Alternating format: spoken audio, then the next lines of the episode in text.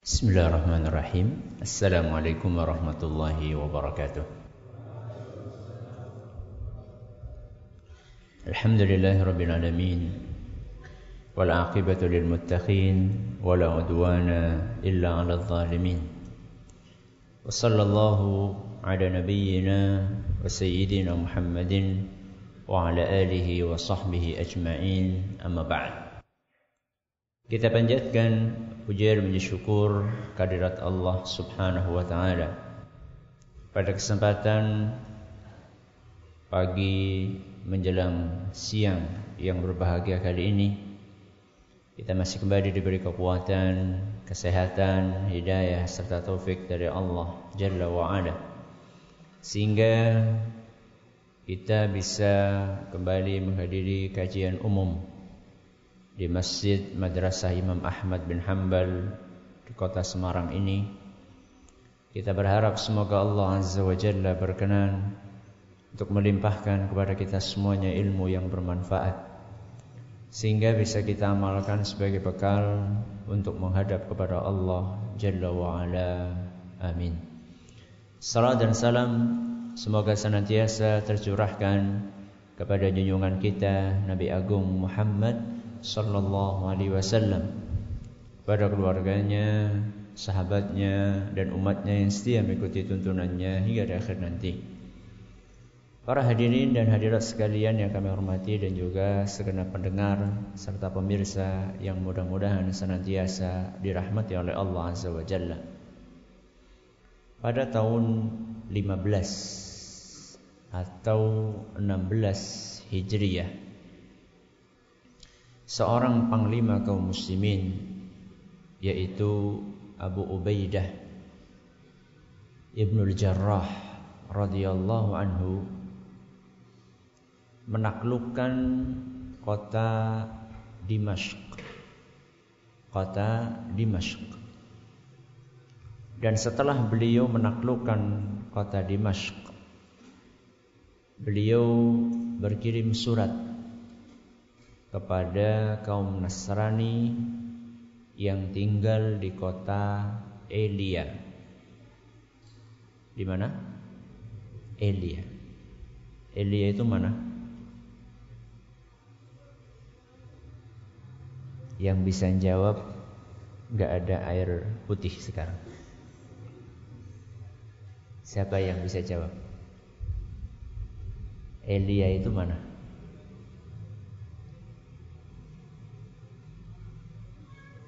Angkat tangan.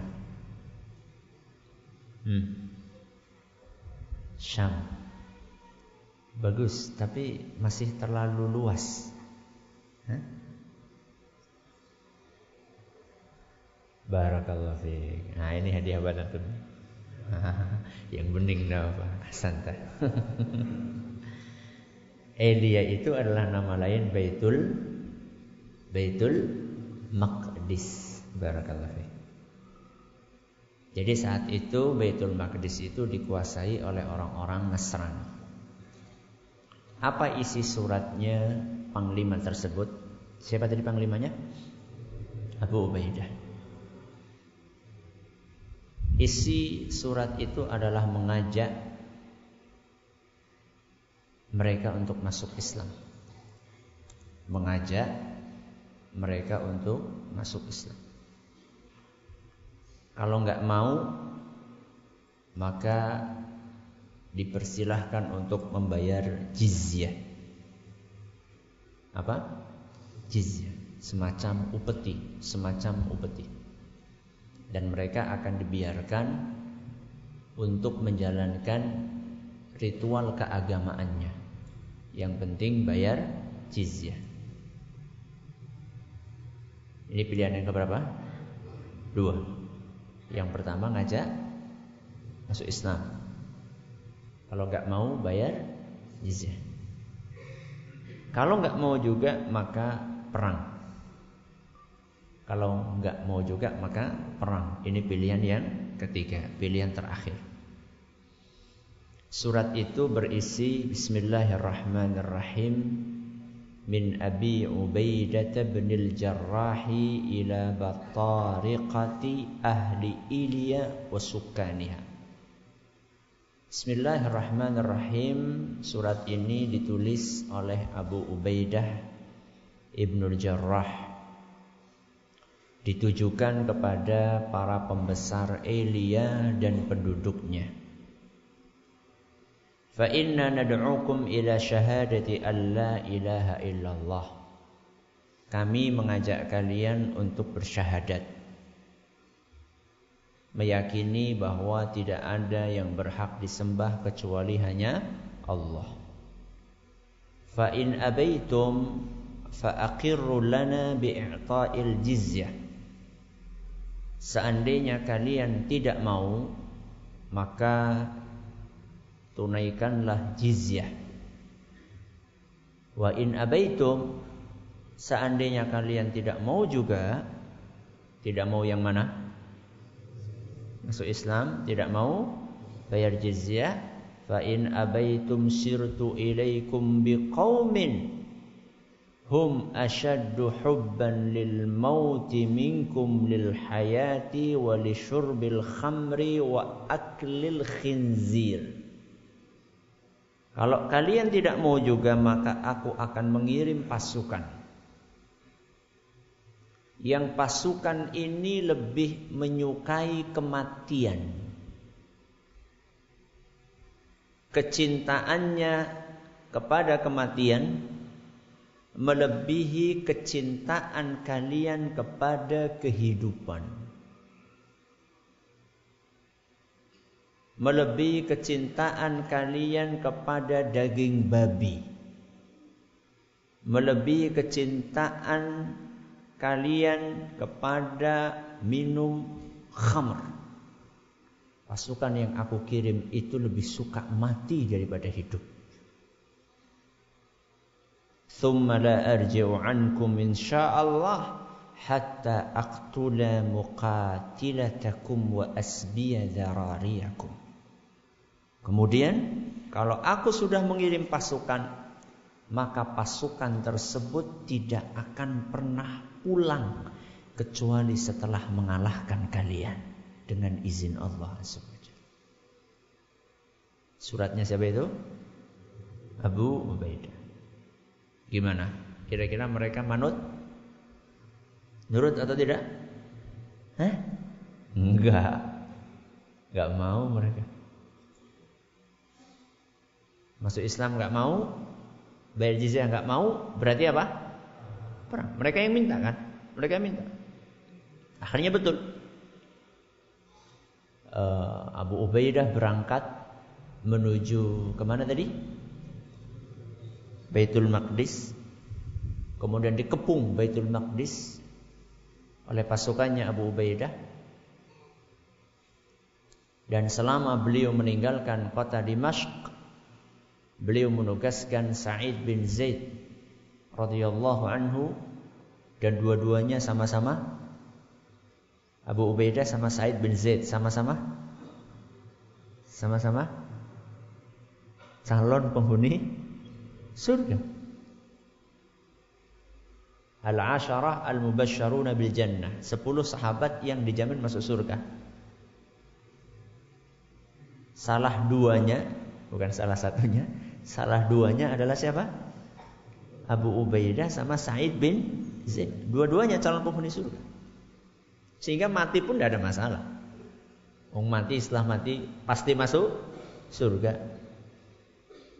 Beliau berangkat ke Baitul Maqdis di kota Dimashq ditugaskan siapa tadi? Sa'id bin Zaid.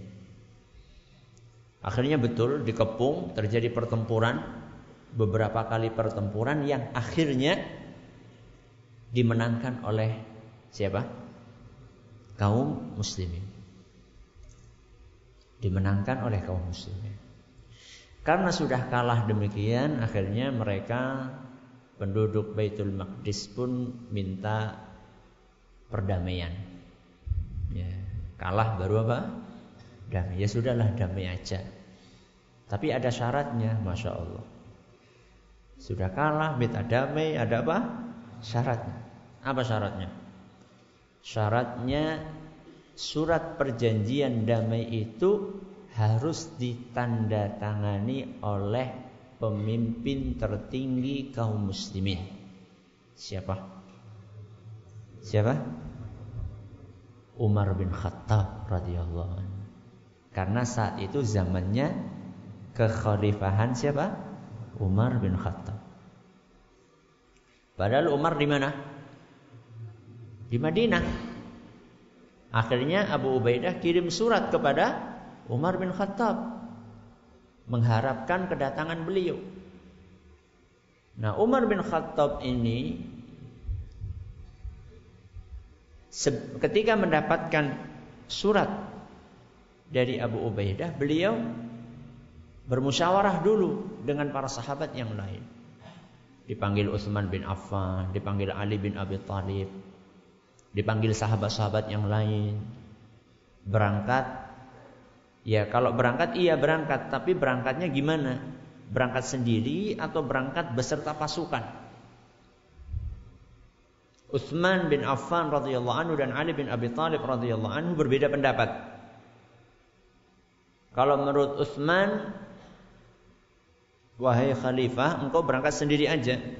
Enggak usah diiringi dengan banyak-banyak pasukan. Ya hanya sekedar ditemani beberapa sahabat saja. Cukup engkau berangkat beserta dengan beberapa gelintir sahabat. Enggak usah banyak-banyak supaya orang-orang salibis itu mereka tidak besar kepala ya merasa dianggap penting gitu ya. Itu nasihatnya siapa? Utsman. Kalau Ali bin Abi Thalib beda.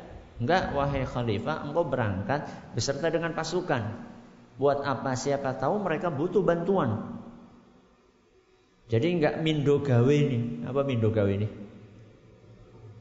Enggak kerja dua kali. Sekalian aja engkau berangkat beserta dengan pasukan. Akhirnya siapa yang dipilih pendapatnya oleh Umar? Siapa? Ali bin Abi Thalib. Umar memilih pendapatnya Ali. Berarti Umar berangkat sendiri atau sama pasukan? Beserta dengan pasukan. Sudah berjalanlah beliau ya e, menggunakan tunggangannya dan seingat saya dalam beberapa riwayat karena tunggangannya terbatas karena tunggangannya terbatas, kendaraannya terbatas, akhirnya mereka itu gantian. Satu tunggangan itu bisa dinaiki oleh dua atau tiga gantian. Misalnya dari sini sampai uh, dua orang ya, dua orang, satu tunggangan dua orang, itu gantian dari sini sampai Weleri misalnya. Itu jatahnya anak yang naik. Nanti teman anak yang nuntun. Nanti dari Weleri ke mana ya? Nah nggak terlalu apa ya. Ke mana? Hah? Alas Roban. Sampai Alas Roban itu jatahnya anak yang nuntun, teman anak yang naik. Gitu terus gantian. Termasuk Umar bin Khattab. Termasuk Umar bin Khattab. Tidak mentang-mentang beliau panglima tertinggi terus naik terus enggak. Termasuk beliau pun juga gantian. Dari Madinah menuju Baitul Maqdis. Ketika mendekati perbatasan, ketika mendekati perbatasan dengan Baitul Maqdis setelah sekian hari mereka melakukan perjalanan mulai terlihat nun jauh di sana kelihatan ada panglima kaum muslimin ada Abu Ubaidah di situ ada Khalid bin Walid di situ ada Yazid bin Abi Sufyan. Pokoknya panglima-panglima kaum muslimin sudah nunggu kedatangannya siapa? Umar bin Khattab. Dan juga kelihatan di samping mereka ada para pembesar Nasrani para panglimanya penduduk Elia. Dan Allah menakdirkan ketika mendekati masuk daerah Baitul Maqdis pas lagi jatahnya Umar yang nuntun. Jadi Allah menakdirkan pas lagi mau sudah mau masuk kota Elia, itu pas jatahnya Umar nuntun dan rekannya Umar yang naik. Dan yang lebih uh, lebih lebih memprihatinkan menurut kita itu pas lagi mau masuk itu ada genangan air. Ada genangan air. Maka apa yang dilakukan oleh Umar? Beliau lepas sandalnya. Beliau tenteng sandalnya. Tangan kiri nenteng sandal, tangan kanan apa? nuntun onta di atasnya ada bawahannya dan sebenarnya bawahannya ini sudah minta turun aku turun enggak ini jatahnya kamu yang naik Allahu Akbar beliau nyeker nggak pakai apa-apa alas kaki tangannya nenteng sandal yang kiri yang kanan nuntun onta, di atasnya ada bawahan. Dan beliau melewati genangan air. Dan itu terlihat oleh Abu Ubaidah. Maka sebelum semakin dekat di hadapan para pembesar kota Elia, maka cepat-cepat Abu Ubaidah itu lari menemui, menjemput Umar bin Khattab. Apa kata Abu Hurairah? Wahai Umar, hari ini Paduka telah melakukan sebuah perbuatan yang sangat hina di mata orang Nasrani. Engkau adalah panglima tertinggi kaum muslimin. Kok bisa-bisanya nyeker? Sambil nyekeli apa? sandal, nuntun onta, yang di atas onta, bawahan, gimana? Apa kata mereka nanti? Lihat jawaban dari Umar bin Khattab. Dengan tegas beliau menjawab, Allah Lau ghairuka yaquluha ya Abu Ubaidah.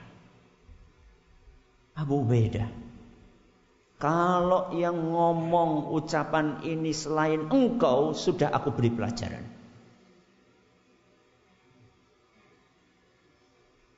Karena yang ngomong kamu, wahai Abu Ubaidah, aku nggak apa-apain. Ya, sama-sama termasuk asyarah mubasyirin bil jannah. Umar juga termasuk yang sepuluh itu. Abu Ubaidah juga termasuk.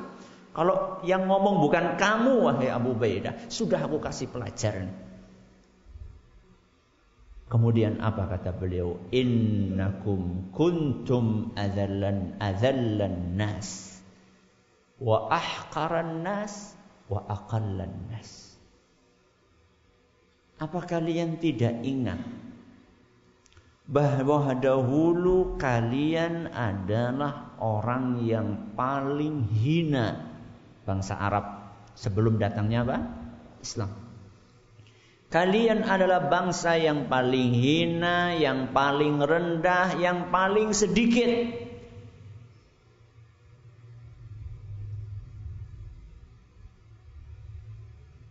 Di tengah-tengah dua negara adik kuasa. Apa dua negara adik kuasa? Persia sama Romawi. Kalian itu nggak dianggap apa-apa. Babar belas. Kalian jumlahnya dikit, ribut, saling merampok. Ya, negaranya tandus, kering. Gak ada yang melirik sama sekali dengan kalian. Dulu kalian kondisinya seperti itu. Fa'azzakumullahu bil Islam. Kemudian Allah muliakan kalian dengan Islam. Kalian dahulu terhina, kalian dahulu jumlahnya sedikit, kalian dahulu diremehkan oleh orang banyak. Begitu kalian berpegang dengan ajaran Islam, Allah muliakan kalian. Allah tinggikan kalian, Allah tambah jumlah kalian, Allah bikin musuh-musuh kalian gentar dengan kalian. dengan Islam yang kalian pegang. Famahma tatlubuna al-izza yudhillukumullahu azza wa jalla. Seandainya kalian mencari kemuliaan bukan dengan ajaran Islam, niscaya Allah akan hinakan kalian.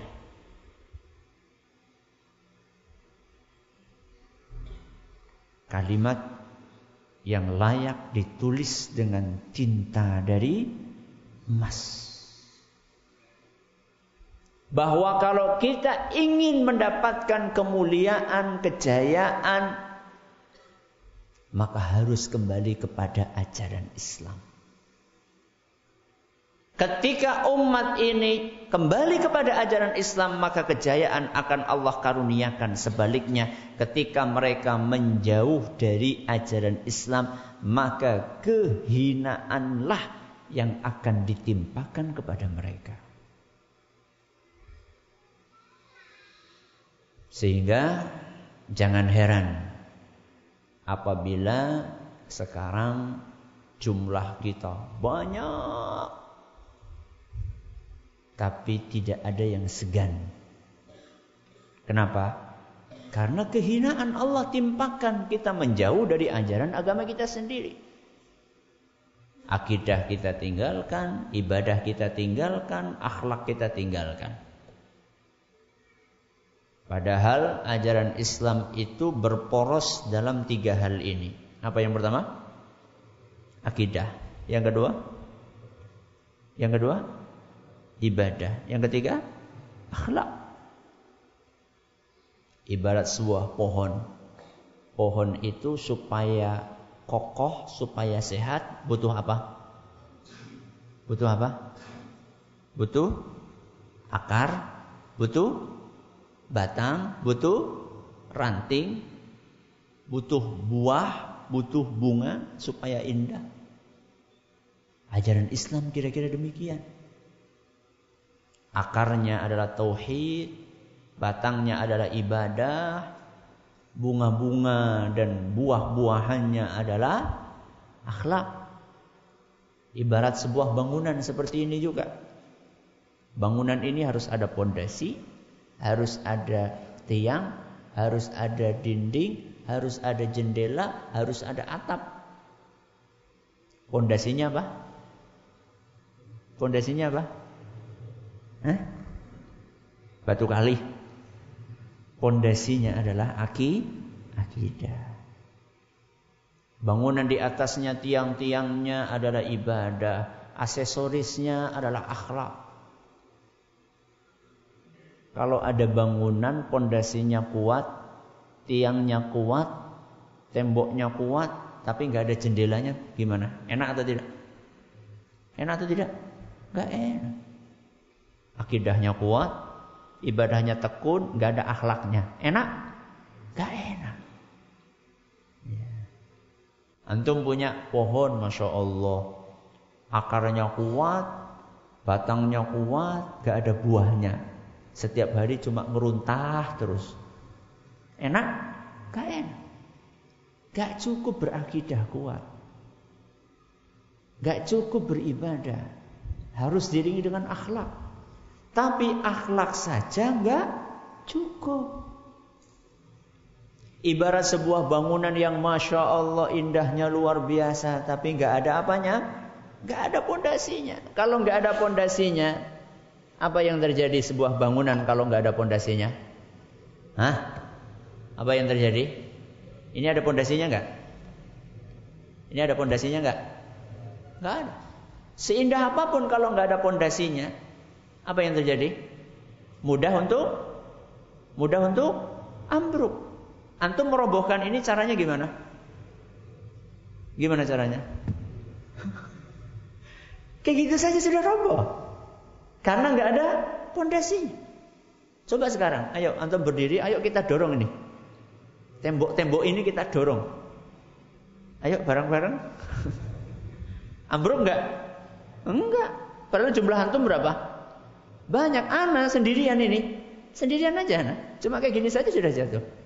Ya nanti kalau jatuh ke sana. Ini sendiri sudah jatuh, cuma satu orang aja udah jatuh. Sekarang ini bangunan, antum semuanya. Ayo barang-barang keluarkan tenaga luar dan dalam antum. Gak roboh. Kenapa? Kenapa gak roboh? Pondasi. Maka ajaran Islam ketika kita ikuti, kita pegang semua sisinya. Apanya tadi? Akidahnya.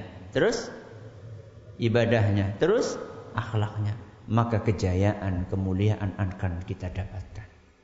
Sebaliknya, ketika kita menjauh dari ajaran Islam, entah akidahnya kita tinggalkan, ini yang paling parah atau ibadahnya kita abaikan atau akhlaknya juga kita terlantarkan maka saat itu akan banyak masalah menimpa umat ini dan Rasulullah Shallallahu Alaihi Wasallam sudah memprediksikan berdasarkan wahyu dari Allah Azza wa Jalla tentang kondisi tersebut.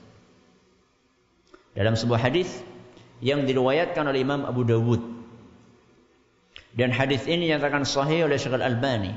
Rasulullah sallallahu alaihi wasallam bersabda yushiku an 'alaikum kama tada'al akalatu ila qas'atiha.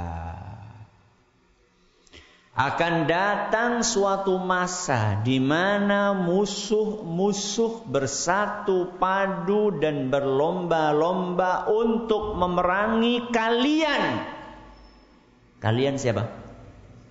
Umat Islam.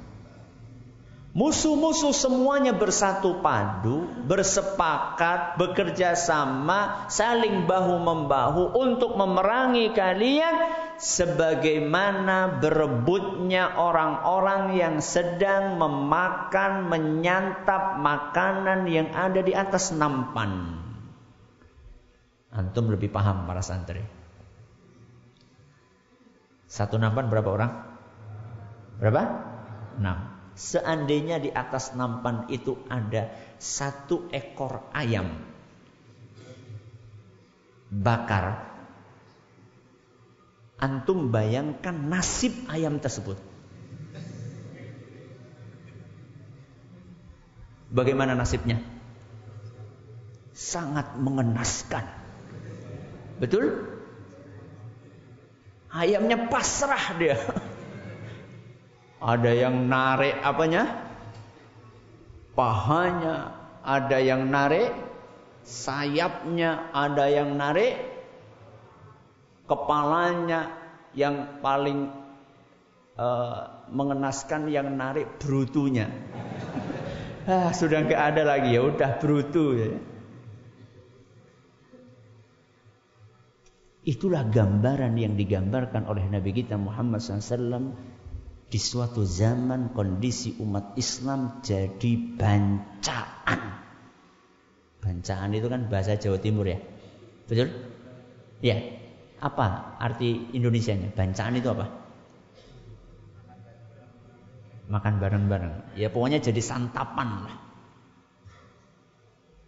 Maka ketika mendengar apa yang disampaikan oleh Rasulullah wasallam tersebut, para sahabat heran. Para sahabat heran. Karena para sahabat mengalami masa-masa umat Islam disegani. Tidak seperti yang digambarkan oleh Nabi SAW barusan. Maka mereka bertanya kepada Rasulullah sallallahu alaihi wasallam faqala qailun ada seorang yang bertanya wa min qillatin nahnu yawma id Wahai Rasul, kondisi kita sangat mengenaskan pada hari itu karena jumlah kita sedikitkah? Karena kita teramat sedikit sehingga kita menjadi bulan-bulanan musuh kita? Faqala bal antum yawma idzin katsir.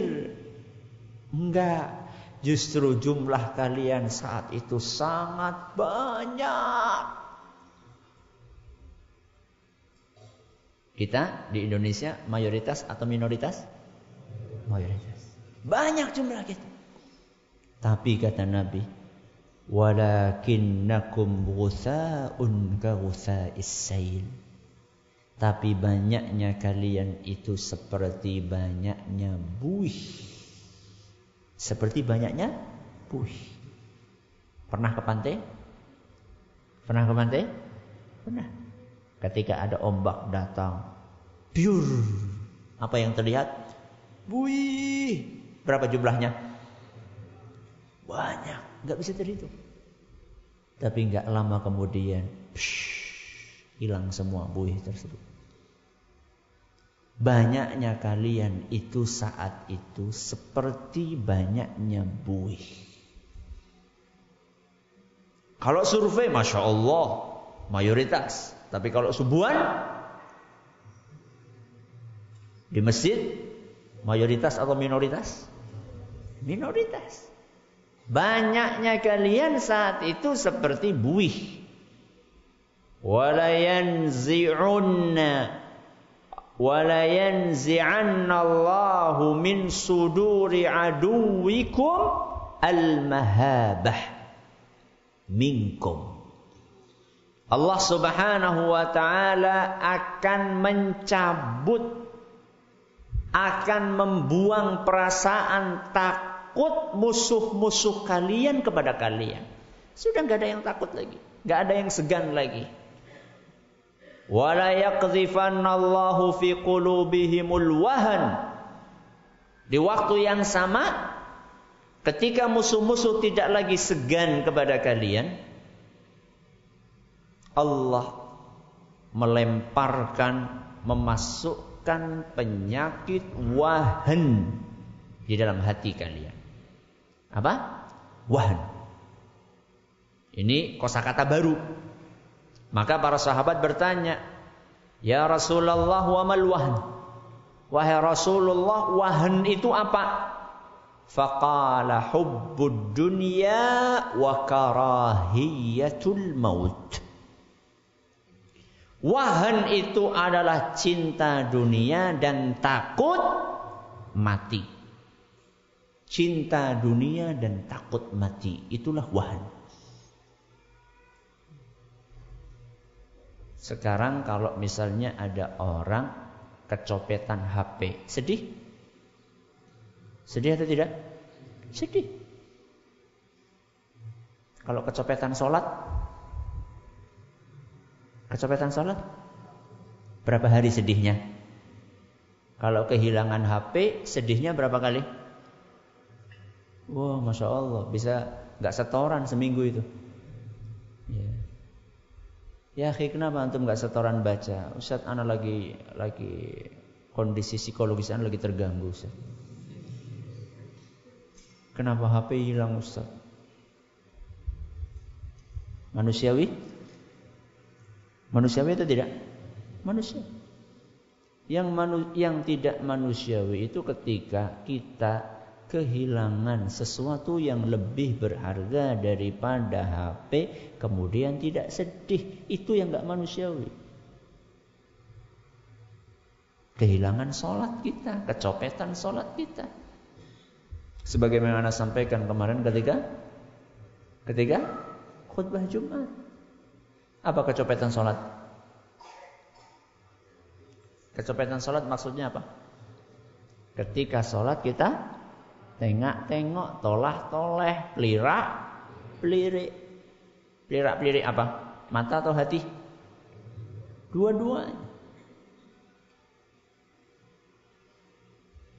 Ketika, lagi sholat, pelirak-pelirik mata, Masya Allah.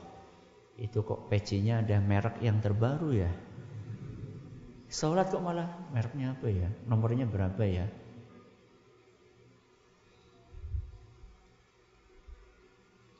Itu pelirak-pelirik mata, pelirak-pelirik hati ketika sholat pikiran kita berpiknik ke mana-mana.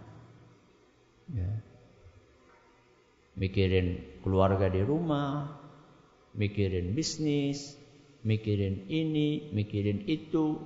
Itu kecopetan sholat kita.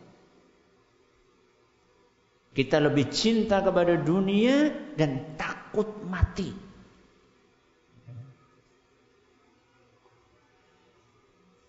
Antum Kangen nggak pengen ketemu sama Allah?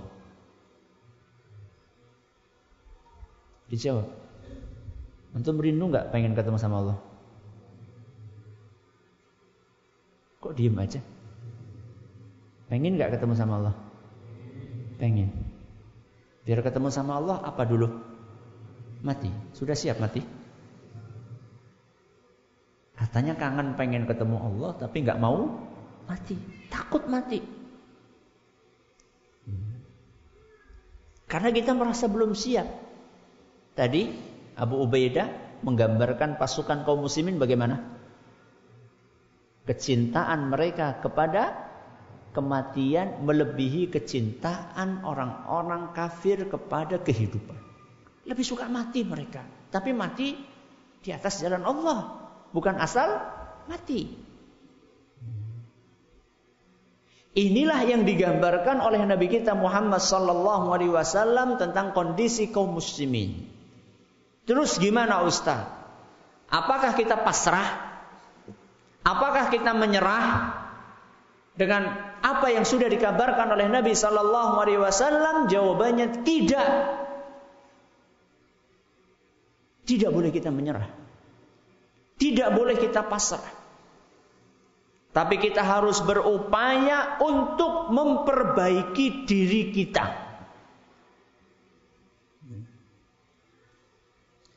Ketika kita mendekatkan diri kita kepada Allah Azza wa Jalla, maka serangan musuh-musuh Islam itu tidak akan ngefek.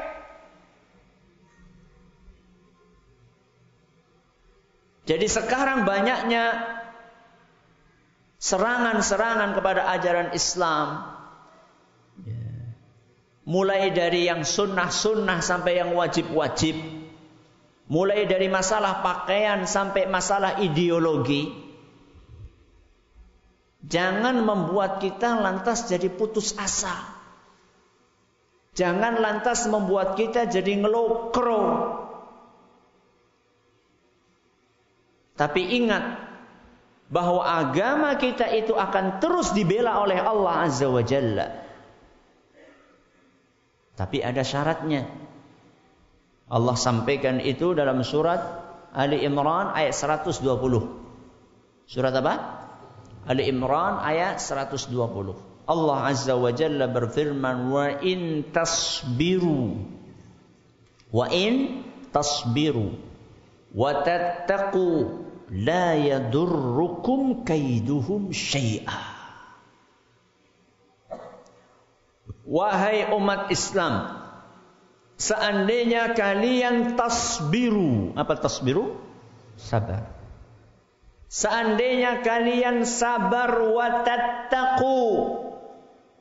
Apa tattaqu? Bertakwa. Berarti syaratnya ada berapa? Dua. Sabar dan takwa.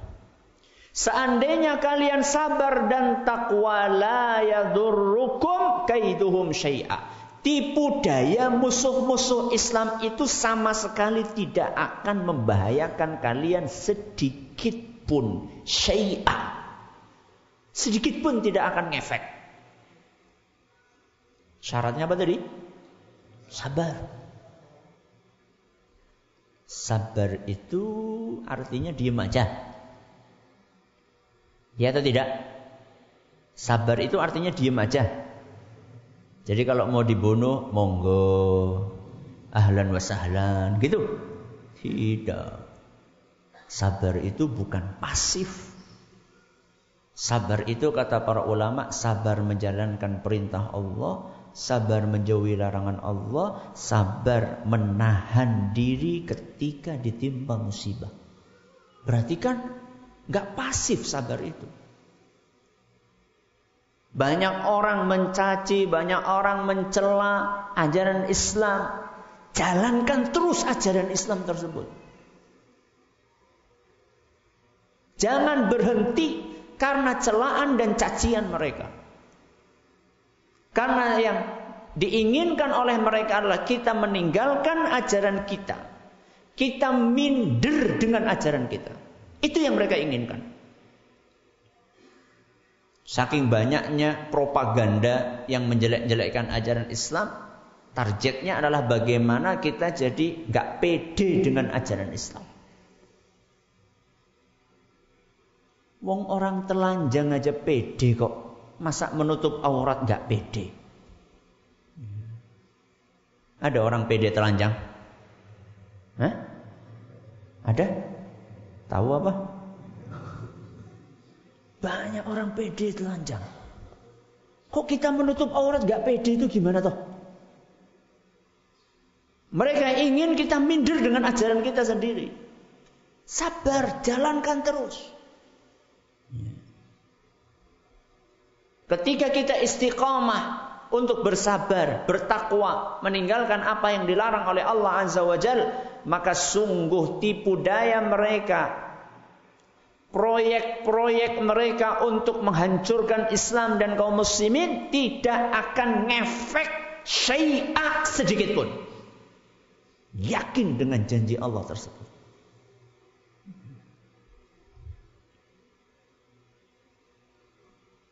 Taib. Itu kita berbicara tentang pribadi. Sekarang kita berbicara tentang bangsa. Sekarang kita berbicara tentang negara. Kalau orang Jawa itu mengatakan gemah ripah, loh jinawi, terus sudah lupa antum bahasa Jawa. Gemah ripah loh jinawi, Toto tentrem Kerto Raharjo Apa artinya? Jangan-jangan nggak tahu Gemah ripah Subur ya, Apa?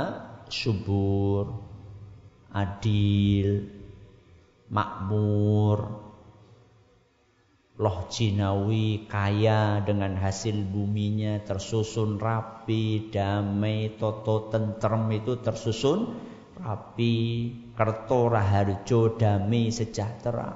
Itu kan yang kita inginkan.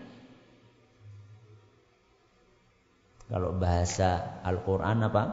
Baldatun, toyibatun, warabbun, ghafur negeri yang baik, yang aman, yang diberkahi, yang diampuni oleh Allah Subhanahu wa taala. Itulah cita-cita kita. Itu cita-cita yang tinggi apa yang rendah? Tinggi atau rendah? Tinggi. Dan kaidahnya setiap cita-cita yang tinggi pasti butuh pasti butuh perjuangan. Itu kaidahnya seperti itu. Kalau pepatah Bahasa Indonesia mengatakan berakit-rakit ke hulu, berenang-renang ke tepian, bersakit-sakit dahulu, bersenang-senang kemudian. Orang yang ingin mendapatkan cita, menggapai cita-cita mulia, maka dia harus berkorban. Orang yang ingin negeri ini menjadi gemah ripah loh jinawi toto tentrem kertora harjo baldatun toyibatun warobun wafur itu butuh perjuangan. Dan perjuangan menuju ke sana itu tidak cukup hanya perbaikan lahiriah saja tapi selain perbaikan lahiriah harus ada perbaikan batiniah. Lahiriah itu apa? Lahiriah itu apa? Luar. Batiniah itu dalam. Negara yang maju itu bukan hanya dilihat dari oh masya Allah pasarnya megah, mallnya mewah, jalannya alus, jembatan di mana-mana, bangunannya gede-gede. Bukan cuma itu.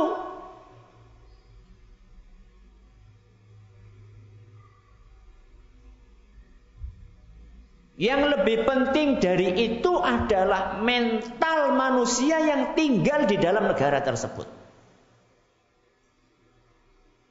Konon di sebuah negara antah berantah ada sebuah negara yang ingin melindungi negara tersebut dari serangan musuh sehingga negara itu bisa stabil, kuat, tidak runtuh. Maka apa yang dilakukan? Yang dilakukan adalah membangun tembok raksasa. Membangun apa? Tembok raksasa.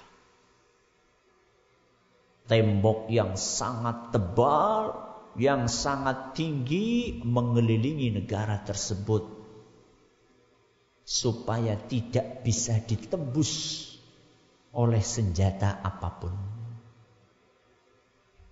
Dan betul, setelah tembok itu selesai dibangun, mengorbankan ratusan atau ribuan orang untuk kerja paksa. Singkat cerita, tembok itu jadi.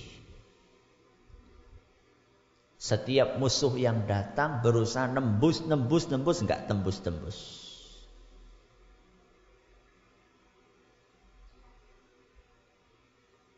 Penguasa negeri itu lupa. Terlalu sibuk untuk membangun fisik, lupa membangun lupa membangun mental. Terlalu sibuk dengan lahiriah melupakan apa? Batiniyah. Karena musuh gagal nyerbu sana, nyerbu sini, nggak bisa-bisa tembus. Akhirnya apa yang mereka lakukan? Apa kira-kira yang mereka lakukan? Tembok itu ada gerbangnya atau tidak? Ada gerbangnya atau tidak?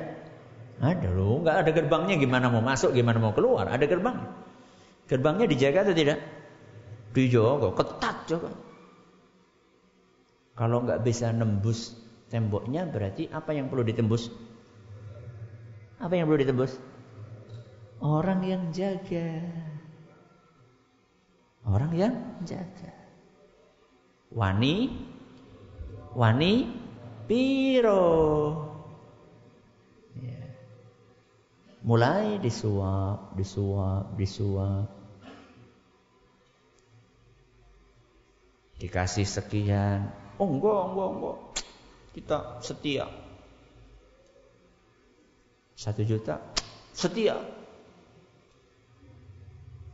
Sepuluh juta setia.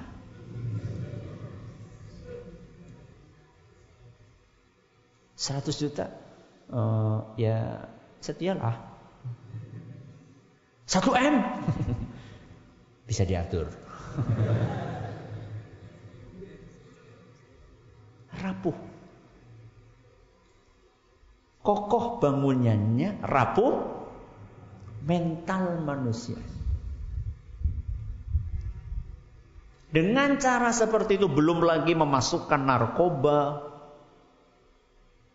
candu untuk membuat pasukan negeri itu kecanduan dengan narkoba.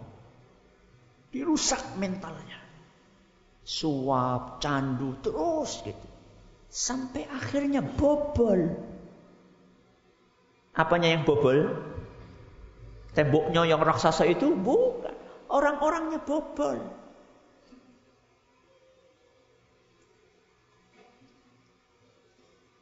Negeri yang kuat itu bukan hanya kuat bangunannya, kuat fisiknya, enggak. Bukan berarti enggak perlu bangun fisik, perlu. Pasar perlu dibangun, tapi juga harus dibangun siapa? Para pedagang yang di dalamnya. Makanya Rasulullah Sallallahu Alaihi Wasallam rutin untuk melakukan inspeksi pasar. Pernah Rasulullah Sallallahu Alaihi Wasallam dalam hadis yang diriwayatkan oleh Imam Muslim inspeksi pasar beliau.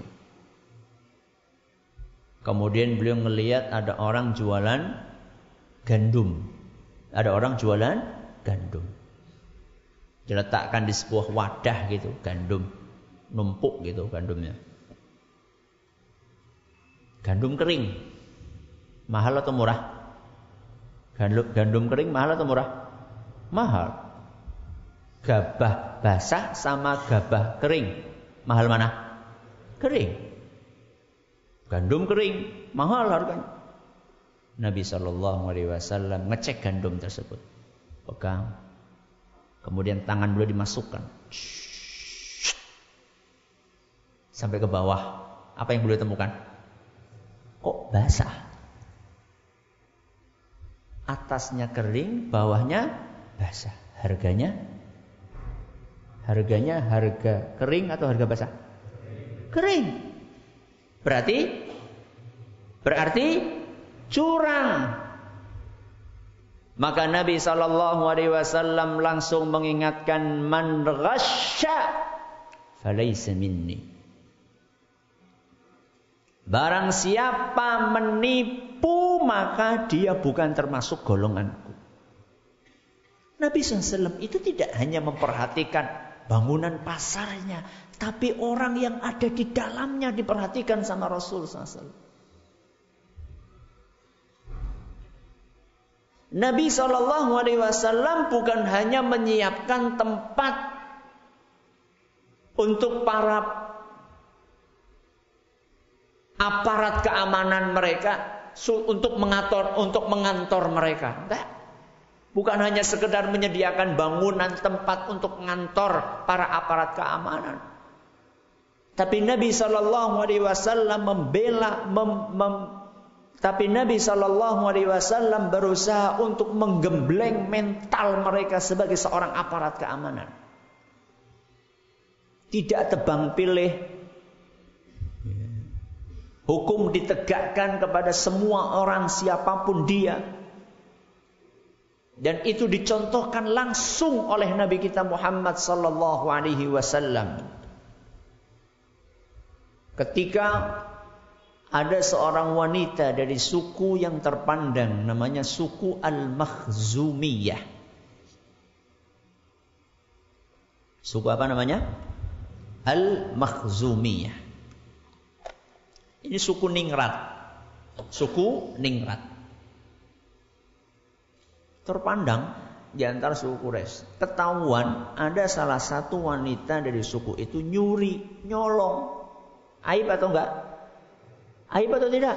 Aib Ningrat kok nyolong. Akhirnya orang-orang di suku tersebut mereka bingung bagaimana caranya agar masalah ini tidak membesar. Kalau ketahuan sama Rasul SAW, wanita ini pasti dipotong tangannya. Dan ini akan menjadi aib sepanjang masa. Mereka mau melobi Nabi SAW nggak berani. Karena mereka tahu bahwa Nabi SAW itu dalam masalah hukum beliau tidak pandang bulu. Maka akhirnya mereka melakukan pendekatan kepada orang yang sangat disayangi oleh Rasul SAW. Siapa? Siapa? Hibbu Rasulillah SAW. Anak kesayangan Rasul SAW. Siapa? Siapa? Hah? Usamah bin Zaid. Siapa? Usamah bin Zaid. Usamah, ayo dong lobby Nabi SAW supaya beliau berkenan untuk menggugurkan hukum kepada wanita yang mencuri tersebut dari suku Ka'ab. Maka Usamah bin Zaid karena beliau nggak tahu, belum tahu masalah itu, maka beliau pun datang menemui Rasul SAW. Minta dispensasi agar wanita tersebut tidak dieksekusi. Begitu mendengar apa yang disampaikan oleh Usamah, maka Nabi Shallallahu Alaihi Wasallam marah besar Beliau minta para sahabat untuk dikumpulkan di masjid. Lalu beliau SAW naik mimbar. Sampai di atas mimbar beliau berkata, Ala innama ahlaka alladhina qablakum. Annahum kanu idha saraka fihimu syarifu tarakuh. Wa idha saraka fihimu dha'ifu aqamu alaihi al-had. Ketahuilah wahai para sahabatku. Bangsa-bangsa sebelum kalian itu hancur gara-gara apa? Gara-gara tebang pilih. Seandainya yang mencuri adalah ningrat, Seandainya yang mencuri adalah orang yang mulia, yang punya kedekatan dengan penguasa, dibiarkan. Dan seandainya yang mencuri adalah orang yang tidak punya kekuasaan apa-apa, orang yang lemah, aqamu alaihil had, baru dieksekusi. Alias tebang pilih. Kemudian Nabi SAW ingin menegaskan Waimullah demi Allah Lau anna Fatimata binta Muhammadin sarakat laqata'tu yadaha. Demi Allah andaikan Andaikan. Dan tidak mungkin itu terjadi. Andaikan Fatimah putrinya Muhammad. Siapa? Fatimah Az-Zahra putrinya Nabi SAW. Seandainya putriku sendiri mencuri lakata tu yadaha, aku yang akan memotong tangannya. Hadis riwayat Bukhari dan Muslim. Itu namanya pembangunan lahir dan batin. Gak cukup kita itu hanya membangun lahir, kita harus bangun batin. Membangun batin itu dengan apa? Ya apalagi kalau bukan dengan akidah. Makanya stabilitas suatu bangsa itu akan tergantung bagaimana akidah para penduduk yang ada di negeri itu beserta dengan penguasanya. Ketika para penduduk negeri itu dan beserta para penguasanya mereka betul-betul memegang akidah niscaya Allah Subhanahu wa taala akan melimpahkan kemuliaan kepada bangsa tersebut.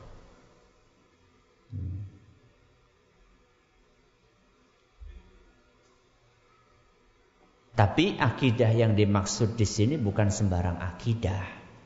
Akidah itu kan kalau diterjemahkan apa? Nah, kalau diterjemahkan apa? Keyakinan, betul? Keyakinan. Sekarang di muka bumi ini keyakinan banyak apa sedikit?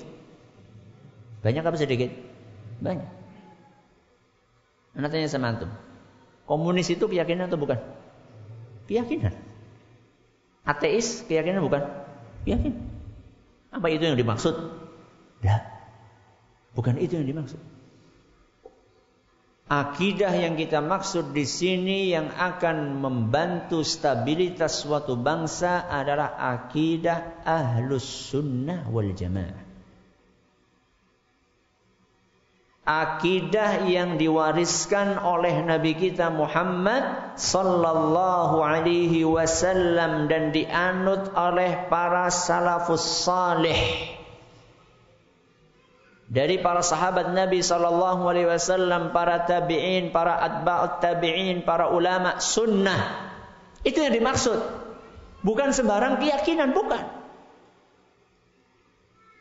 Akidah yang dibangun di atas mengikhlaskan ibadah hanya kepada Allah, meninggalkan kesyirikan, itu yang dimaksud dengan akidah yang akan membantu stabilitas suatu bangsa. Ketika akidah itu dianut, ketika akidah itu diperjuangkan, ketika akidah itu kita pertahankan, maka saat itu Allah Subhanahu wa taala akan mengaruniakan kejayaan kepada bangsa ini. Allah sudah berjanji demikian. Dalam Al-Quran surat An-Nur ayat 55. Surat apa? An-Nur. Ayat berapa? 55. Allah berfirman, Wa'adallahu alladhina amanu minkum wa amilus salihat. Allah telah berjanji untuk siapa? Alladzina amanu minkum wa amilus salihat. Janji Allah berlaku kepada siapa? Orang-orang yang beriman dan beramal saleh. Bukan sekedar beragama Islam. Karena banyak orang sekarang loh katanya Allah janji gini gini gini. Mana sekarang kaum muslimin kondisinya kayak gini? Nah sekarang yang jadi pertanyaan kaum muslimin sudah memenuhi syarat atau belum? Di sini ayatnya jelas mengatakan wa'adallahu alladzina amanu minkum wa amilus salihat. Yang dapat janji dari Allah adalah amanu wa amilus salihat, beriman dan beramal soleh. Apa yang Allah janjikan? La yastakhlifannahum fil ard. Allah akan jadikan mereka berkuasa di muka bumi ini. Ini janji yang pertama. Allah janjikan apa? Kekuasaan di muka bumi.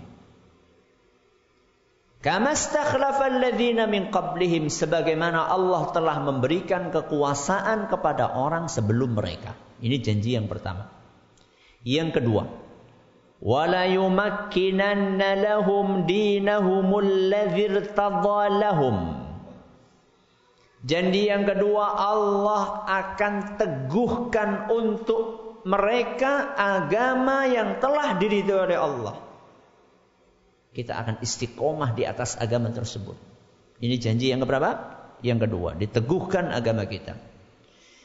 Yang ketiga, wala yubaddilannahum min ba'di khawfihim amna. Janji yang ketiga, Allah akan ganti suasana mencekam dan menakutkan dengan suasana aman, tentram, damai, sentosa. Perasaan takut diganti dengan keamanan. Berapa janji Allah? Berapa? Tiga. Apa yang pertama? Kekuasaan di muka bumi. Yang kedua? Hah? Agama yang kokoh. Yang ketiga? Keamanan.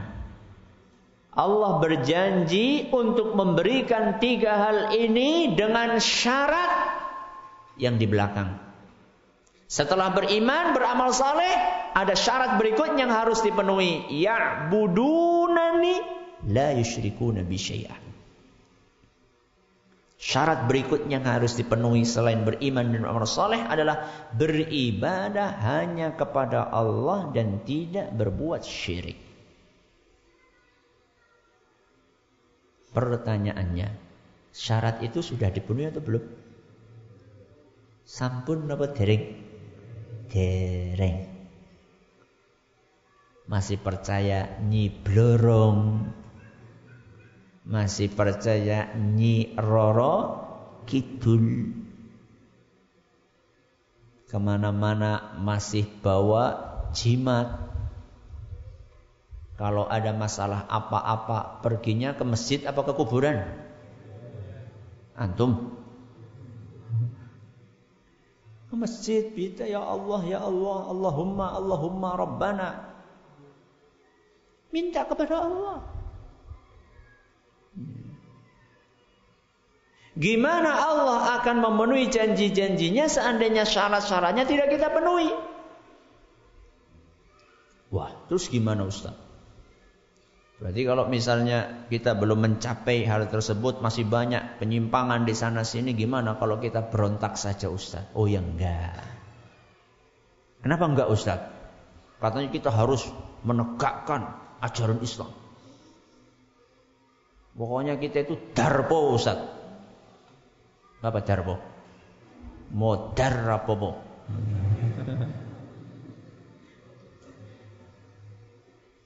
Oke, oke, oke. Semangat itu penting. Semangat itu penting. Tapi semangat itu harus diikuti dan dibekali dengan apa?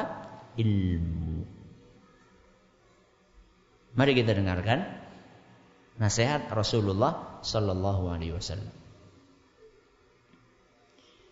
An Abi Ruqayyah Tamim Ad-Dari أن النبي صلى الله عليه وسلم قال الدين الدين النصيحة agama adalah nasihat kulna liman maka para sahabat bertanya untuk siapa nasihat itu wahai Rasul maka beliau menjawab lillahi untuk siapa Allah wali kitabihi untuk untuk kitabnya wali rasulihi untuk rasulnya wali a'immatil muslimina untuk para pemimpin kaum muslimin wa ammatihim dan kepada rakyat secara umum.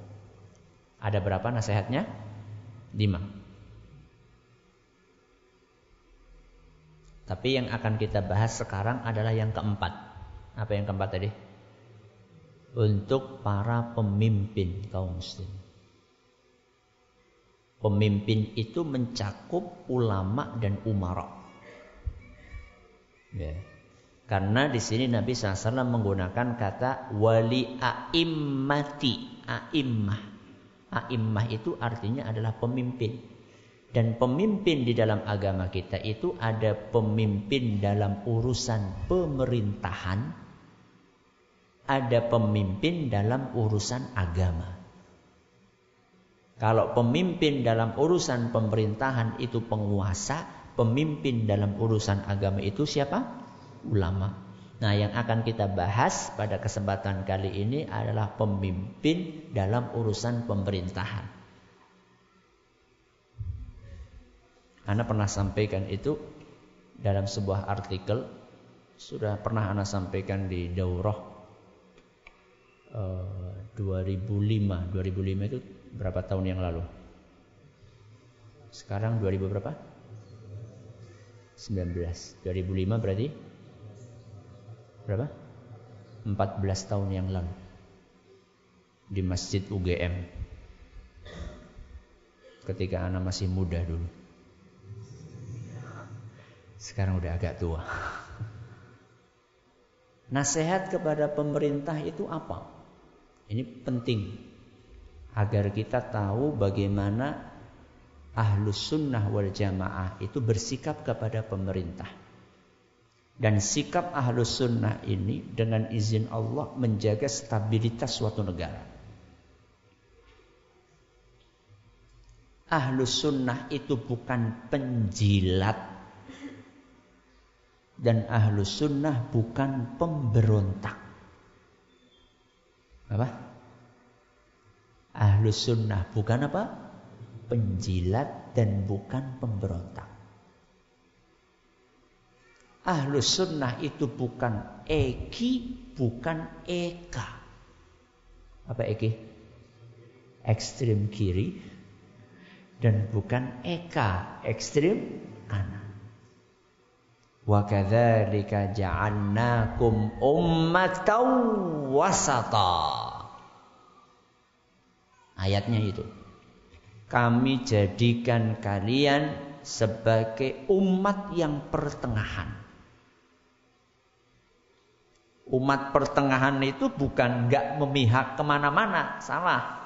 Bukan seperti itu. Umat pertengahan itu nggak ekstrim kanan, nggak ekstrim kiri, memihak kebenaran. Itulah umat pertengahan. Nah, dalam kaitannya dengan sikap kepada pemerintah, nasihat kepada pemerintah, apa maksudnya? Satu, kata para ulama kita. Ahlus sunnah itu meyakini kepemerintahan mereka. Ahlus sunnah meyakini kepemerintahan mereka. Kepemimpinan mereka. Ini yang pertama. Barang siapa yang tidak meyakini kepemimpinan mereka berarti dia belum menunaikan nasihat untuk penguasa. Kenapa demikian? Karena bagaimana akan menaati pemerintah kalau dia tidak meyakini bahwa mereka adalah pemerintah? Rasulullah Sallallahu Alaihi Wasallam mengingatkan dalam hadis yang diriwayatkan oleh Imam Muslim Man mata wa laysa fi unuqihi bai'ah mata mitatan jahiliyah. Barang siapa yang mati dalam keadaan tidak membaiat pemerintah, tidak mengakui pemerintah, maka dia dianggap mati seperti matinya orang jahiliyah. Itu mati keren atau mati nggak keren? Mati nggak keren. Ini yang pertama. Meyakini kepemerintahan, kepemimpinan mereka. Yang kedua, menyebarkan kebaikan mereka di masyarakat. Apa? Menyebarkan kebaikan mereka di masyarakat. Kebaikan yang benar-benar ada. Bedanya dengan penjilat apa? Kalau penjilat itu mereka menyampaikan sesuatu yang tidak sesuai dengan realita. dipuji sampai ke langit. Itu penjilat. Kalau ahlus sunnah yang baik betul-betul ada, baik sebarkan. Kenapa? Karena ketika kebaikan itu disebarkan, akan muncul perasaan cinta, suka, senang kepada pemerintah. Ketika rakyat mencintai pemerintah, maka mereka akan mentaati aturan segala sesuatunya pun akan berjalan dengan baik. Ketika segala sesuatu berjalan dengan baik, yang akan diuntungkan adalah kita semua. Ini yang kedua. Yang ketiga,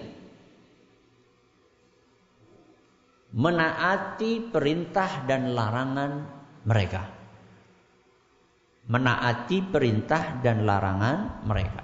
Ini bagian dari nasihat. Selama apa? Selama tidak melanggar aturan agama. Selama tidak melanggar aturan agama.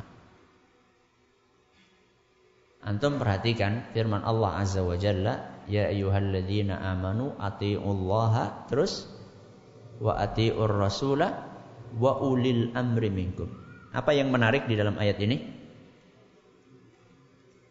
Ya ayyuhalladzina amanu atiullaha wa atiur rasula wa ulil amri minkum. Apa yang menarik? Eh? Pengulangan kata pengulangan kata kok diem aja? Dengerin baik-baik. Ya ayyuhalladzina amanu atiullaha wa atiur rasula wa ulil amri minkum. Pengulangan kata apa? Ati'u. Berapa kali diulang? Dua. Yang pertama atiullah, taati Allah. Yang kedua atiur rasul, taati rasul. Yang ketiga wa ulil amri. Dan pemerintah kalian. Tidak ada pengulangan kata atiu di ulil amri. Apa artinya? Artinya nggak taat gitu? Nah, artinya apa? Gak ada pengulangan itu artinya apa? Artinya ketaatan kita kepada Allah sifatnya mutlak. Ketaatan kita kepada Rasul SAW sifatnya mutlak. Sedangkan ketaatan kita kepada pemerintah tidak mutlak. Tidak mutlak itu maksudnya apa? Tergantung apa yang mereka perintahkan. Kalau mereka memerintahkan kebaikan, taat. Contoh apa? Contoh. Rambu-rambu lalu lintas. Itu kebaikan atau kejelekan? Lampu merah, kuning, hijau, traffic light itu kebaikan atau kejelekan? Kalau jenengan ketemu lampu kuning gimana? Ngegas apa ngerem? Nah, gue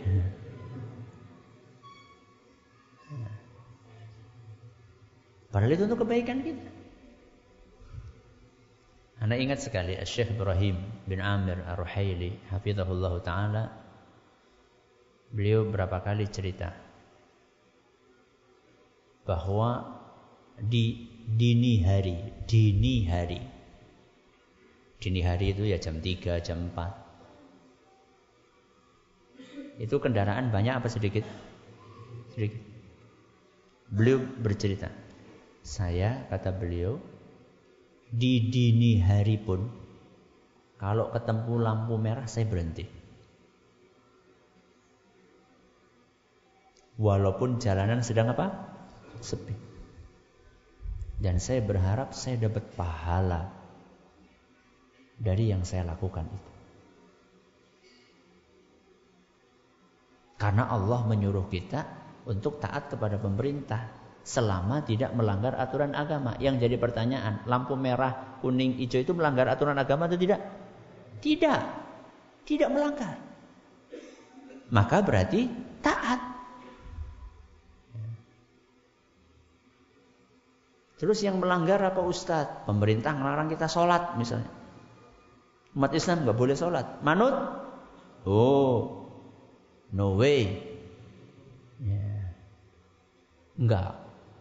Ketaatan kita kepada Allah mutlak. Hmm.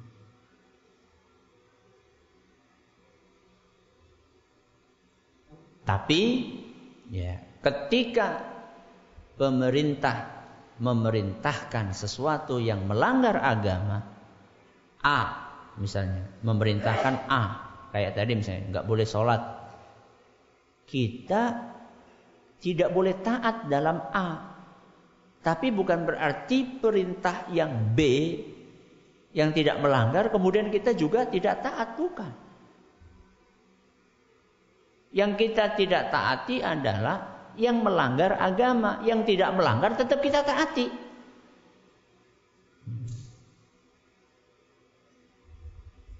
Jadi enggak kok kemudian gugur semuanya enggak. Ini yang keberapa ini? Yang keberapa? Yang ketiga. Yang keempat, berusaha menutupi aib mereka semampunya. Berusaha menutupi aib mereka semampunya.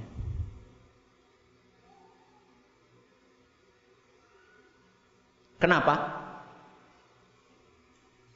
Karena kalau kita beberkan aib mereka yang muncul adalah perasaan benci, jengkel, dongkol dari masyarakat kepada pemerintah.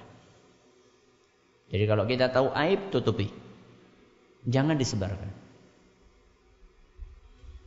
Wah, jadi penjilat kalau kayak gitu Ustaz. Oh enggak. Menutupi aib itu bukan berarti membiarkan. Ini orang salah paham di sini. Saya berapa kali terlibat diskusi dengan sebagian yang pokoknya kita kudeta, kita berontak. Ketika kita bawakan dalil-dalil yang memerintahkan kita untuk bersabar, untuk taat, untuk patuh. Terus membawakan, oh berarti kita membiarkan mereka melakukan semaunya. Loh, beda. Menutup, menutupi aib itu bukan membiarkan aib.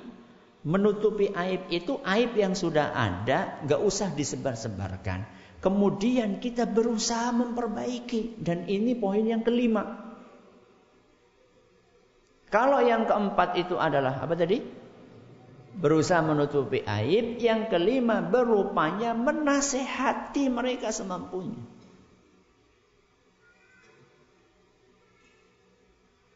Ini yang kelima. Berusaha menasehati. Jadi bukan berarti menutupi aib itu membiarkan aib. Oh salah, salah persepsi Anda. Bukan mereka melakukan kesalahan, jangan disebarkan kesalahan itu, tapi disembunyikan terus kita nasihati dia. Makanya tadi saya katakan ahlus sunnah itu bukan penjilat. Penjilat itu adalah yang membiarkan aib, ya, bahkan membenarkan aib. Itu penjilat. Wong salah kok dikatakan apa? Benar, salah dikatakan salah, tapi dengan etika.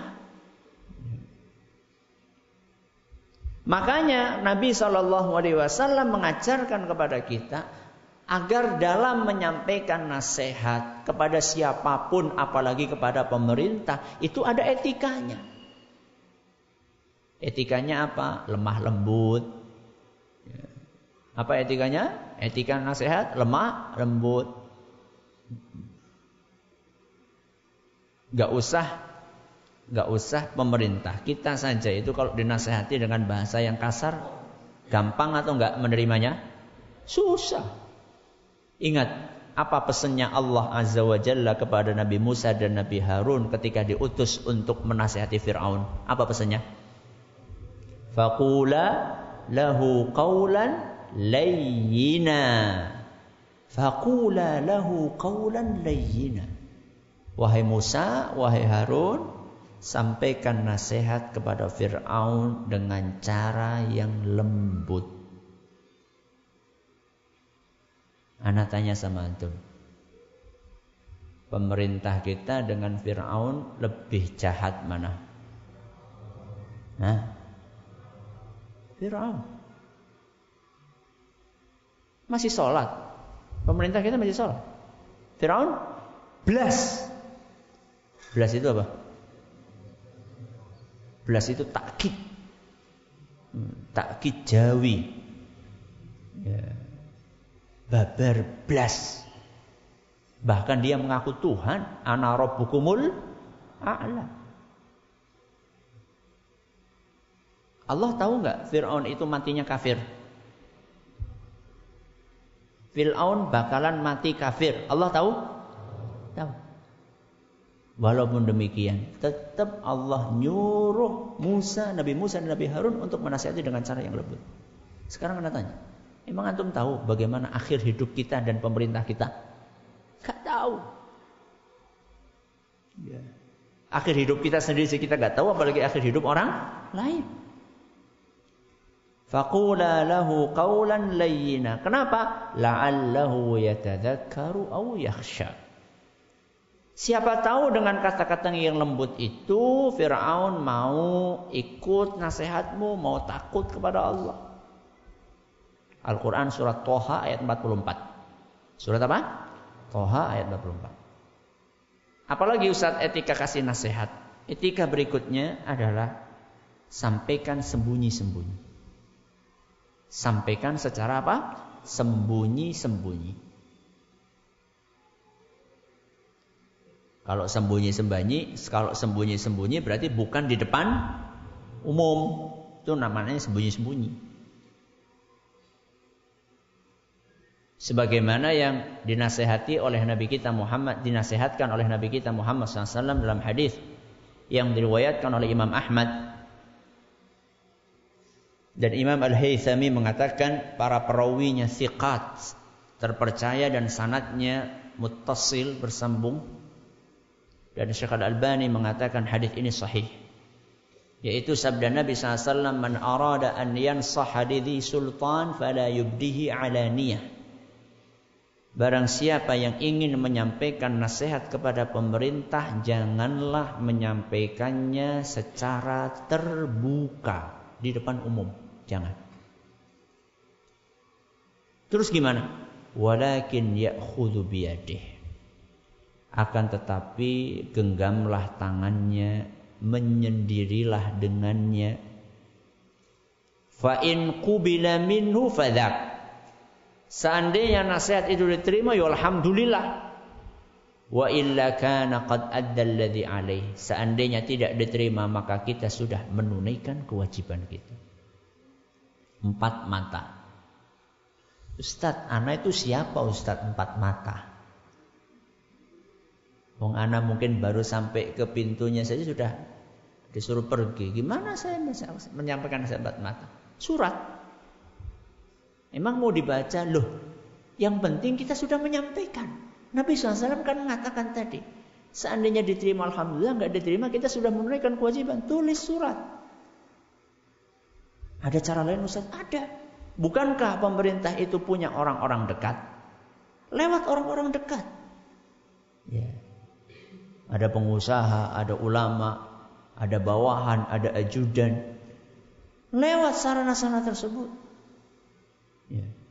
Seandainya sarana-sarana itu tidak ada yang bisa digunakan, maka la yukallifullahu nafsan illa usaha. Allah tidak membebani seseorang kecuali sesuai dengan kemampuannya. Sudah. Ini yang kelima. Yang keenam. Nasihat kepada penguasa. Artinya tidak melakukan kudeta tidak melakukan pemberontakan kepada pemerintah yang sah.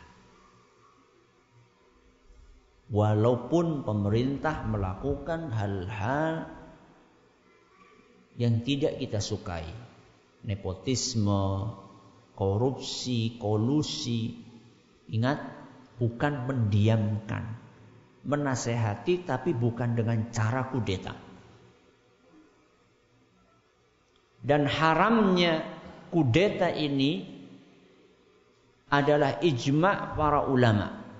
Haramnya kudeta kepada pemerintah kaum muslimin ini sudah disepakati oleh para ulama. Sebagaimana yang disampaikan oleh Imam An-Nawawi rahimahullah. Haramun bi ijma'il muslimina wa in kanu fasaqah zalamah haram hukumnya kudeta kepada pemerintah kaum muslimin walaupun mereka fasik walaupun mereka zalim. Kata beliau banyak sekali dalil-dalil hadis-hadis yang menjelaskan hal tersebut.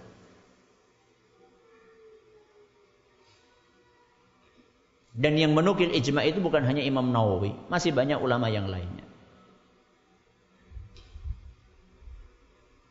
Apa hadis yang melaku, yang menyebutkan hal tersebut di antaranya banyak hadisnya, cuman saya bawakan satu hadis yang diriwayatkan oleh Imam Muslim, "Man wali alaihi walin" Barang siapa yang dipimpin oleh seorang penguasa, fara'ahu ya'ti syai'an min maksiatillah. Kemudian dia rakyat itu melihat penguasanya melakukan berbagai macam maksiat kepada Allah, falyakrah ma ya'ti min maksiatillah. Hendaklah dia membenci perbuatan maksiat mereka tersebut wala yanzi'anna yadan min ta'ah. Dan jangan hal itu menyebabkan dia tidak mentaatinya.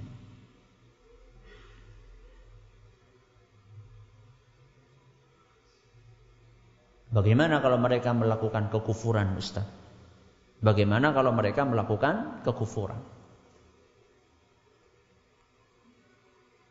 Rasulullah sallallahu alaihi wasallam menjelaskan dalam hadis yang diriwayatkan oleh Imam Bukhari dan Muslim, bay'na Rasulullah sallallahu alaihi wasallam ala sam'i wa ta'ah fi manshatina wa makrahina wa usrina wa yusrina wa atharatin alaina.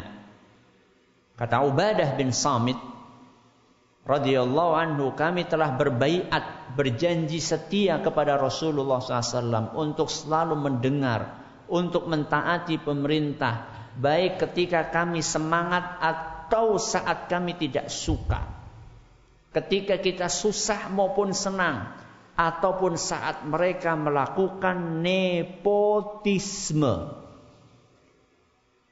Wa an la nunazi al amra ahlahu dan kita tidak boleh memberontak pemerintah. Illa antarau kufran buahan indakum minallahi fihi burhan. Kecuali seandainya engkau melihat bahwa pemerintah itu melakukan kekufuran yang nyata di dalam diri mereka berdasarkan dalil yang meyakinkan bahwa perbuatan itulah perbuatan kufur. Berarti pemberontakan itu hanya boleh dalam beberapa kondisi, dalam satu kondisi ketika mereka melakukan kekufuran. Dan kalau kita perhatikan, Nabi SAW mengatakan kufron buah, kekufuran yang nyata. Berarti kekufuran itu harus nyata betul, bukan kabar, bukan kabar burung. Cukup enggak kita harus iqamatul hujjah. Harus menjelaskan sampai sejelas-jelasnya bahwa itu kekufuran kepada mereka, jelaskan kepada mereka bahwa itu kekufuran sampai yakin, gak ada syubhat sama sekali.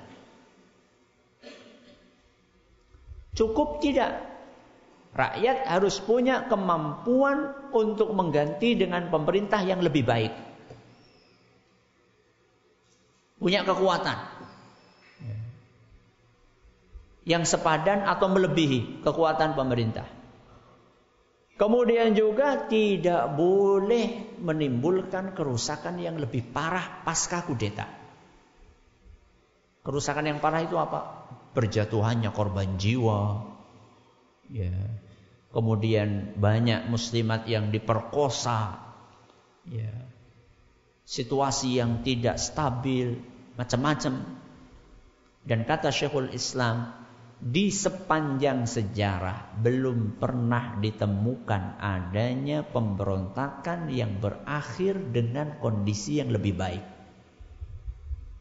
Ini pengamatan beliau sepanjang sejarah sejak zaman beliau sampai sebelum beliau. Tidak pernah ada kejadian pemberontakan berakhir lebih baik dibandingkan sebelum pemberontakan. Ustaz, Ustaz PNS ya? Bukan. Kok ada pertanyaan seperti itu? Ustaz dibayar sama pemerintah? Bung, enggak. Saya bukan, PNS bukan. Terus kenapa? ngajarin supaya nggak berontak. Dibayar berapa? Nggak dibayar sepeser pun. Ada seorang ustadz rahimahullah sudah wafat. Ngisi pengajian kayak gini tentang wajibnya taat kepada pemerintah, nggak memberontak dan seterusnya. Nyampaikan hadis-hadisnya, ayat-ayat Qur'annya. Begitu selesai pengajian, ustadznya ditanya. Ada siapa? Ustadz, tanya Ustadz. Nah, Silakan, tanya apa? Ustadz PNS ya? Ustadz pegawai negeri ya? Bukan. Kenapa Ustadz ngajarin untuk taat, untuk nggak berontak? Ustadznya pintar. Coba, kasih tahu saya. Ada nggak hadis negeri, hadis swasta?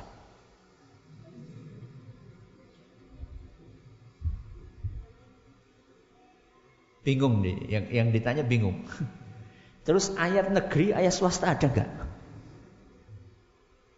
Ijma negeri, ijma swasta. Saya sampaikan itu bukan karena saya dibayar oleh pemerintah untuk menyampaikan ini tidak. Tapi karena hadisnya berbunyi demikian, ayatnya berbunyi demikian. Kita lakukan ini bukan dalam rangka untuk menjilat untuk mencari jabatan, bukan. Karena dari awal kita tidak minta jabatan. Kita bukan para pengemis jabatan yang marah-marah ketika tidak dikasih jabatan. Karena dari awal kita bukan nyari itu.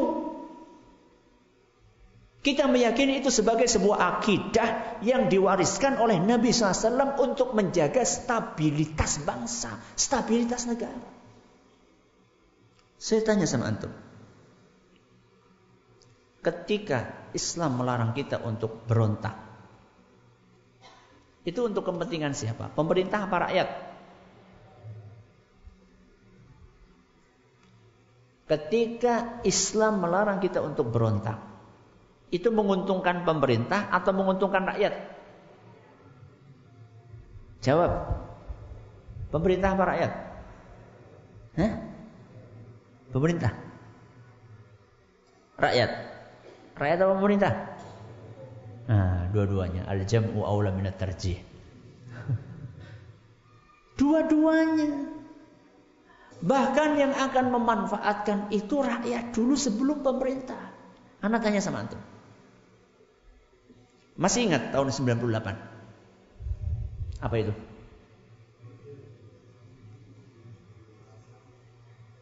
Apa itu?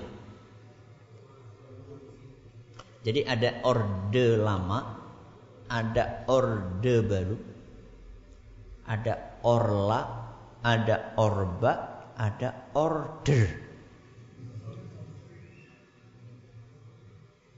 Orde lama, orde baru, orde reformasi. Ya. Reformasi. Mana tanya sama itu. Di tahun 98 itu. Yang paling banyak jadi korban penguasa atau rakyat? Nah, penguasa atau rakyat? Berarti yang paling rugi siapa? Rakyat. Ana bukan pendukung Pak Harto loh ya. Nanti kemudian ada mengatakan, oh Ustaz ini lebih enak zamanku toh.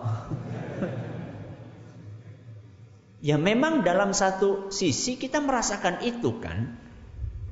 Coba saat itu, ya kita lagi-lagi beliau rahimahullah, mudah-mudahan diampuni oleh Allah, mudah-mudahan dirahmati uh, oleh Allah. Saat itu harga-harga lebih stabil atau saat ini? Nah, yang mengalami masa-masa itu. Hah? Lebih stabil mana? Saat itu. Masih ingat antum dulu? Bensin harganya berapa? Berapa? Berapa? 500 500 rupiah ya. beras terpenuhi ya walaupun di sana sini banyak kekurangan namanya juga manu Manusia nggak ada manusia yang sempurna. Rasulullah SAW baru. Ya. Tapi yang ingin saya garis bawahi di sini adalah ketika ada kudeta, ketika ada pemberontakan, yang akan disusahkan pertama kali bukan pemerintah tapi rakyat. Pemerintah gampang tinggal lari pakai helikopter. Jenengan lari pakai apa? Ontel. Bisa kabur ke sana kemari kita. Jadi jangan berpikir begitu sempit bahwa ini untuk kepentingan penguasa, untuk kepentingan kita semuanya. Ya penguasa ya siapa? Rakyat. Makanya ada sebuah ungkapan negeri yang dipimpin oleh penguasa yang zalim lebih baik daripada negeri yang tidak ada pemimpinnya sama sekali. Ya. Tetap masih mending ada apanya? Ada pemimpinnya. Kalau nggak ada pemimpinnya yang terjadi adalah hukum hukum apa? Rimba. Siapa yang kuat dia yang berkuasa. Sekarang saya tanya, rata-rata rakyat kuat atau lemah? Lemah. Berarti yang kuat siapa? Ya mereka yang punya duit, yang punya jabatan, yang punya backing ini dan itu. Adapun mayoritas rakyat mereka lemah sehingga mereka yang jadi korban. Yang terakhir, yang ketujuh adalah mendoakan kebaikan untuk mereka. Apa? Mendoakan kebaikan untuk mereka. Imam Ahmad dan juga ulama yang lain mereka mengatakan andaikan aku punya satu doa yang mustajab niscaya aku akan gunakan doa itu untuk mendoakan kebaikan buat siapa? Buat pemerintah. Coba orang-orang yang banyak mencela pemerintah di medsos atau di mana pun pernah nggak mereka itu menyisihkan waktu untuk mendoakan pemerintah supaya dibuka hatinya oleh Allah Azza wa Jalla. Tulus. Lagi-lagi bukan dalam rangka menjilat. Tulus mendoakan mereka. Pernah. Padahal mencaci maki tidak menyelesaikan masalah. Ya, mendoakan itu solusi untuk menyelesaikan masalah insya Allah. Jadi kesimpulannya ahlu sunnah wal jamaah Akidah mereka adalah akidah yang menjaga stabilitas bangsa. Kenapa demikian? Karena mereka tidak mengajarkan memberontak yang akan menyebabkan negara hancur berkeping-keping, juga bukan termasuk orang yang mendiamkan kemungkaran. Karena mendiamkan kemungkaran juga bisa membuat kehancuran bangsa. Mereka tidak berontak juga tidak mendiamkan kemungkaran. Mereka balance. Ya. Imbang. Berontak tidak, diam juga tidak. Nah, menjilat juga tidak. Mereka berusaha menasehati semampunya dengan etika-etika yang diajarkan oleh Islam. Kemudian mendoakan agar hati mereka dibuka oleh Allah dan hati kita juga dibuka oleh Allah Azza wa Jalla untuk menerima kebaikan pas sesuai dengan apa yang kita rencanakan jam 9 Mudah-mudahan yang sedikit ini bermanfaat. Terima kasih atas perhatiannya. Mohon maaf atas segala kekurangannya. Kita tutup dengan membaca doa kafaratul majlis. Subhanakallahumma wa bihamdika asyhadu an la ilaha illa anta astaghfiruka wa atubu ilaik. Assalamualaikum warahmatullahi wabarakatuh. Kami ucapkan jazakumullah khairan atas yang beliau pada